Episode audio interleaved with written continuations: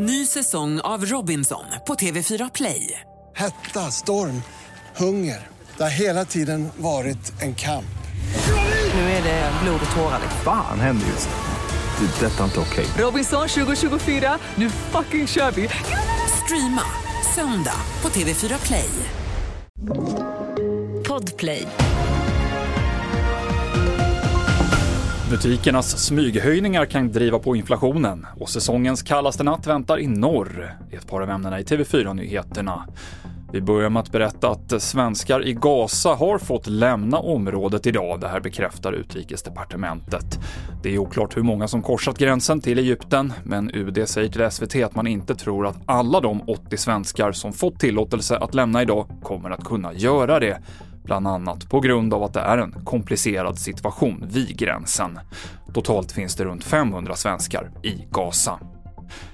Runt 900 jordbävningar har registrerats på Island hittills det här dygnet, men samtliga har haft låg magnitud. Och enligt Isländska meteorologiska institutet så tyder det på att mycket spänning i marken har släppt de senaste dagarna, vilket i sin tur kan göra att ett eventuellt utbrott blir mindre än befarat. Veckan har inletts med en köldsmocka längst i norr. Tidigt i morse så nåddes säsongens lägsta temperatur i området runt Tornedalen när det var minus 27,8. Det kan då komma att slås redan i natt. Då kan det sjunka ända ner till minus 32 enligt vår meteorolog, vilket är ovanligt lågt för att vara vid den här tiden på året. Och butikernas reafuskande inför Black Friday i slutet av november kan ha drivit på inflationen i oktober. Sen förra året måste företag som ska ha rea ange lägsta pris på varan de senaste 30 dagarna för att motverka prishöjningar kort före rean. Men förra höstens inflationssiffror tyder på att butikerna istället börjat höja priserna tidigare.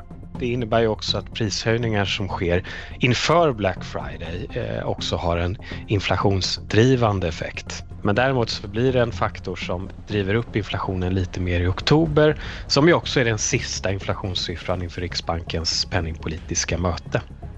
Det sa Carl Nilsson, makroanalytiker på Swedbank. Det avslutar TV4-nyheterna. Jag heter Mikael Klintevall.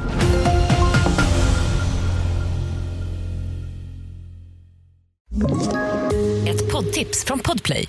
I podden Något Kaiko garanterar östgötarna Brutti och jag, Davva, dig en stor dos skratt. Där följer jag pladask för köttätandet igen. Man är lite som en jävla vampyr. Man har fått lite blodsmak och då måste man ha mer.